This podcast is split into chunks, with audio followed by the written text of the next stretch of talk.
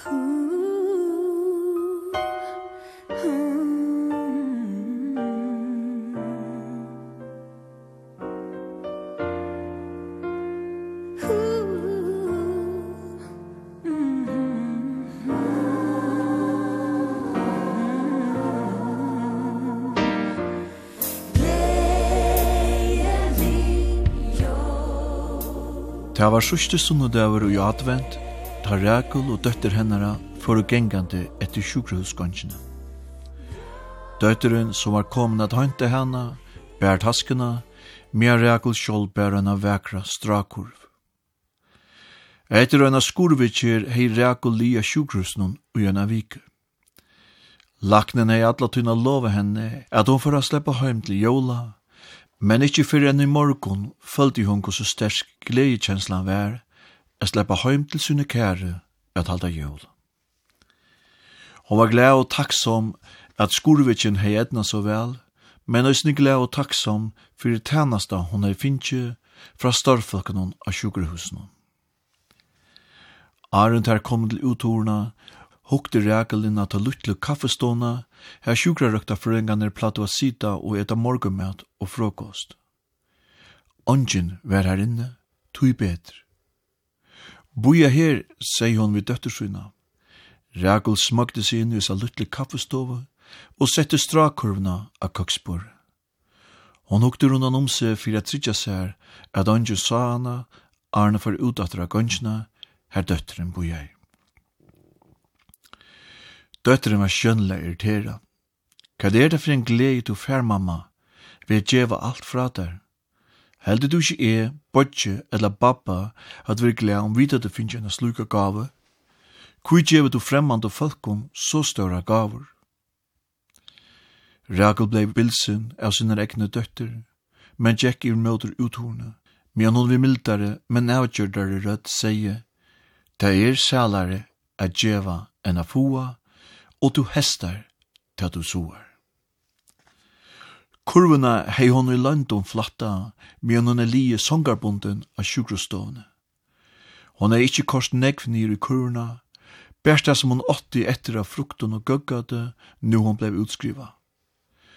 Hon er i òsne klippt fem papursjørstur, som hon er hongt i håndtegje av kurvene. Av da ena hjärsta hei hon skriva, smuil, tui, nervere og omsorgan, er og gaver, som öll hava ra a djeva. Hetta var en lydel halsan til sjukrarøkta frøynganar, Havast her høyde ura djera, så er rekul alla tunna mest, at sjukrarøkta frøynganar alltu høyde haft iveskot og orsko at vera fittar, blujar, smulande og nærverand. Tui vil du djeva tøyman hesa lytle gava. Eina gava fyrir tørra omsorgan. Stutt etter at Rekul og døtteren var farnar av sjukrehusnån, kom et trutjer sjukrarøttafrøyngar innan ta luttlu kaffeståna. Der bidde bøyna vi en mestje til vøkru kurvna som stå av bornen og papursjørsne, her ta at i øyna hjertan stå, smuil, tui, nærvare og omsorgan er gaver som ødel hava ra a djeva. Ås som hetta var en fytt halsana foa, Hvor man hava givi okkon hisa gava, spurde ter hver i æra, medan der tåg og en mandarin parst ur kurvene. Lykka mykje kvæt, så koma vi ikkje eta alt detta. Vi hava møyra nokka karamellum og fruktun. Hva sier tid til at vi gjeva vasjekonne bantu hisa vøkre kurv? Er det nekar som er oppebori enn fitta og vekra halsan, så er det hon.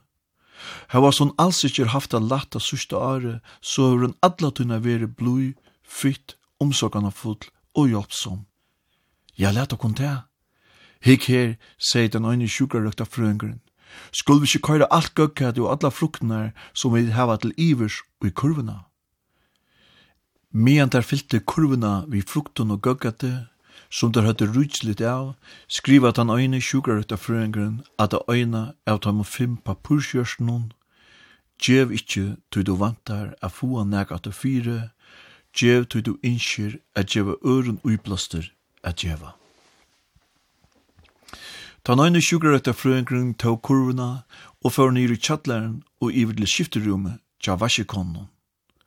Hon gikk iver til skapet tja bante, let horen opp og sette kurvuna inn i skapet. Hon let skapsorna spekli atter og før utatter. Amidde hei banta frui. Hon skunda seg nir i tjallaren Hon skulle av landen hon hetta sama kvölde, du hese jólene for en halda jól som var bavun syn og jassær som bor i Kjeppmannhavn.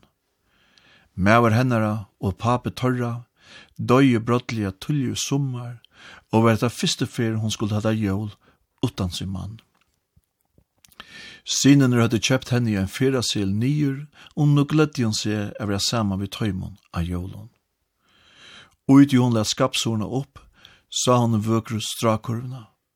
Hon tåg kurvna ur skapenon og hukte etter henne og tøymon fem i gjørstenon som hingu i håndtægjenon.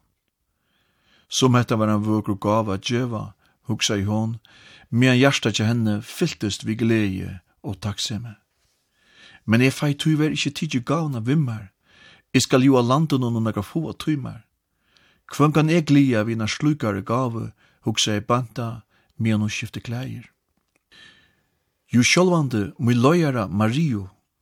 Maria hever omsøkana full og skiljande i forbante, ta mever hennar var sjukur og etter at han var færen. Maria hei sagt vi bante at hon skulle bruka ta tui som var neio fyrir a koma fyrir seg, og hei Maria menga lagt øyra til hennara sturan og hennara sorg. Var det nega som Maria var gau til, så var det at gjeva øron, nervere og tui og hei hun sjålsamma gav evner at lusta. Sjålvande skulle Maria få eis av vøkru kurv. Ur skapene tja bantu stod fyra sodavatn som hun leie pent nir i kurvuna. Hun hukte enn enn affær etter gjørsten hon. At av ena hjärsta her ønskje stå skriva, skriva i hon, det er ikkje en spurninger gos og negg vi djeva, men meira en spurninger gos vi elska er djeva beinta ta kurvuna og for oppa døldina atter. Kom oppa døldina, sa hon Maria og hinar varsekonar sita inn i kaffestående. Der flent og harst, men der ut og frokost. Hon tjekk væreslige i vil skrivstående, tja Maria, for inn og sette vøkru kurvuna av båre til henne. Hold at horene atter og skunda seg av stedet.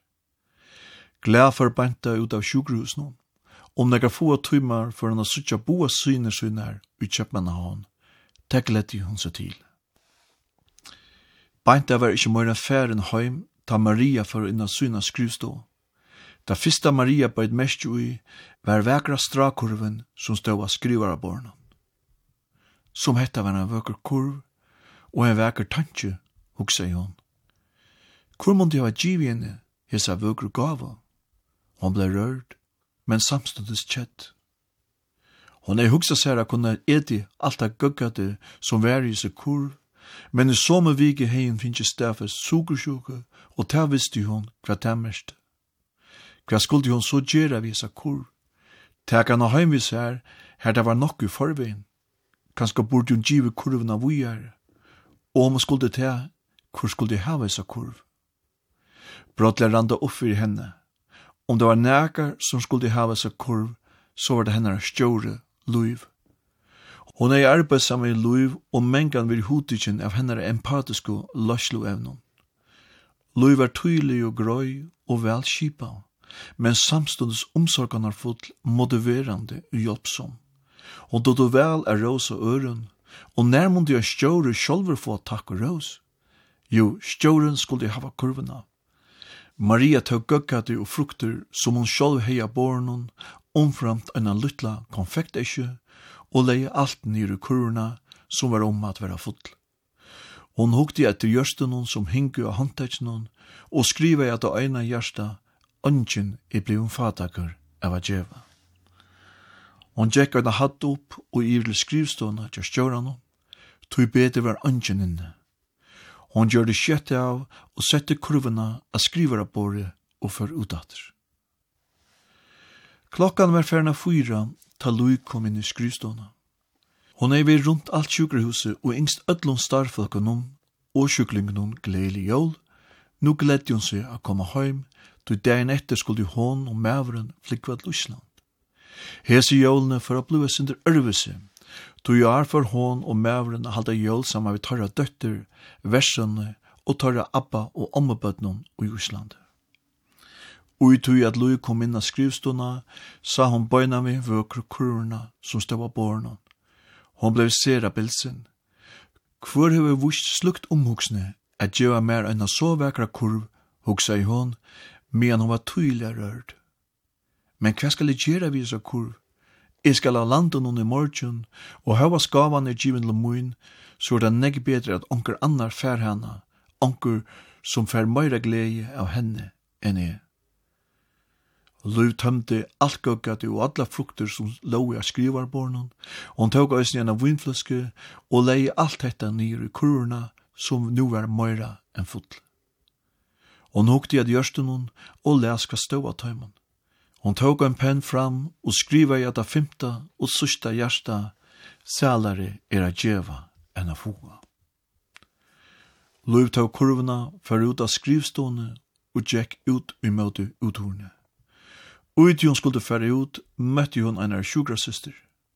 Hei, jeg har finnet en kurvegave, men jeg tror at jeg skal av landet noen i morgen, føler jeg ikke at jeg rattar mer at jeg kan ha heim vi.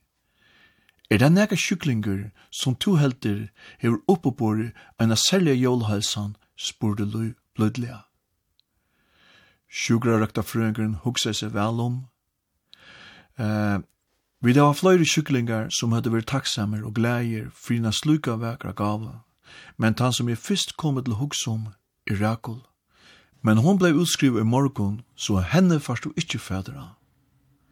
Hver bor henda Rakul var Lui sjåt å spyrja. Hon bor ut i at treer vi, sier sjukrarutta frøyngren.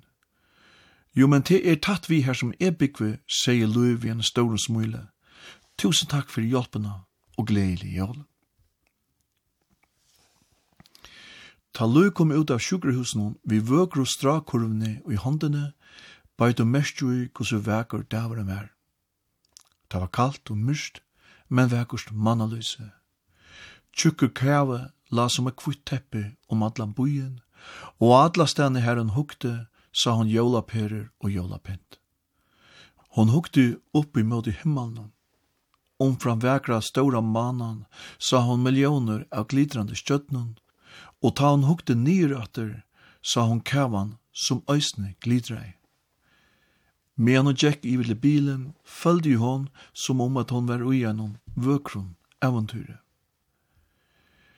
Medan Lui kordi i møte triarveie, blei hun vi at hitja at kurvene som ståa sugesetsen.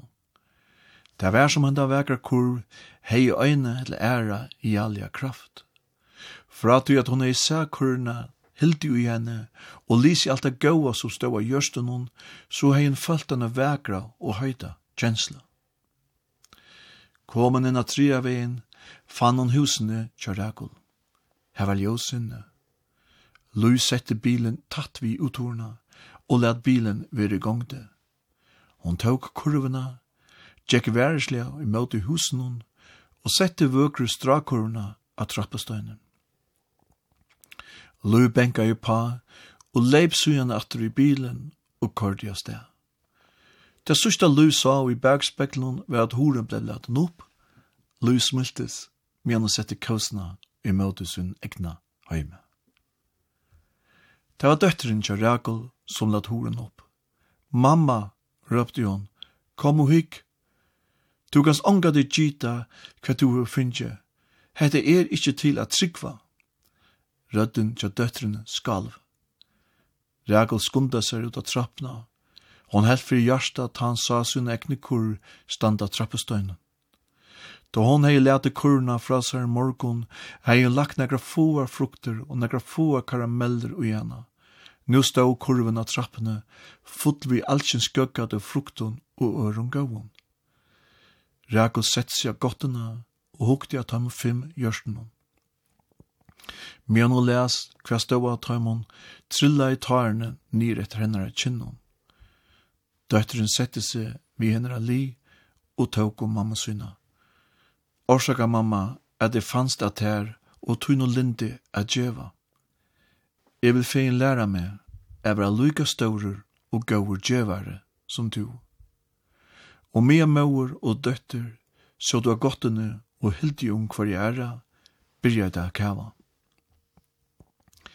Jólene eru ein vøkur tui, her vi djeva hver noen gavur. Til ångan jeg spurninger, gos en nekk vi djera, Men meira en spurningur gusse nek vid elska a djeva. Vi døy er heldur ikkje djeva, tu vi vanta få an nek atur fire, men heldur øya vid a djeva, tu vi det innskja djeva ørum menneskjon uiblåster, at det er godt og vekkert a djeva.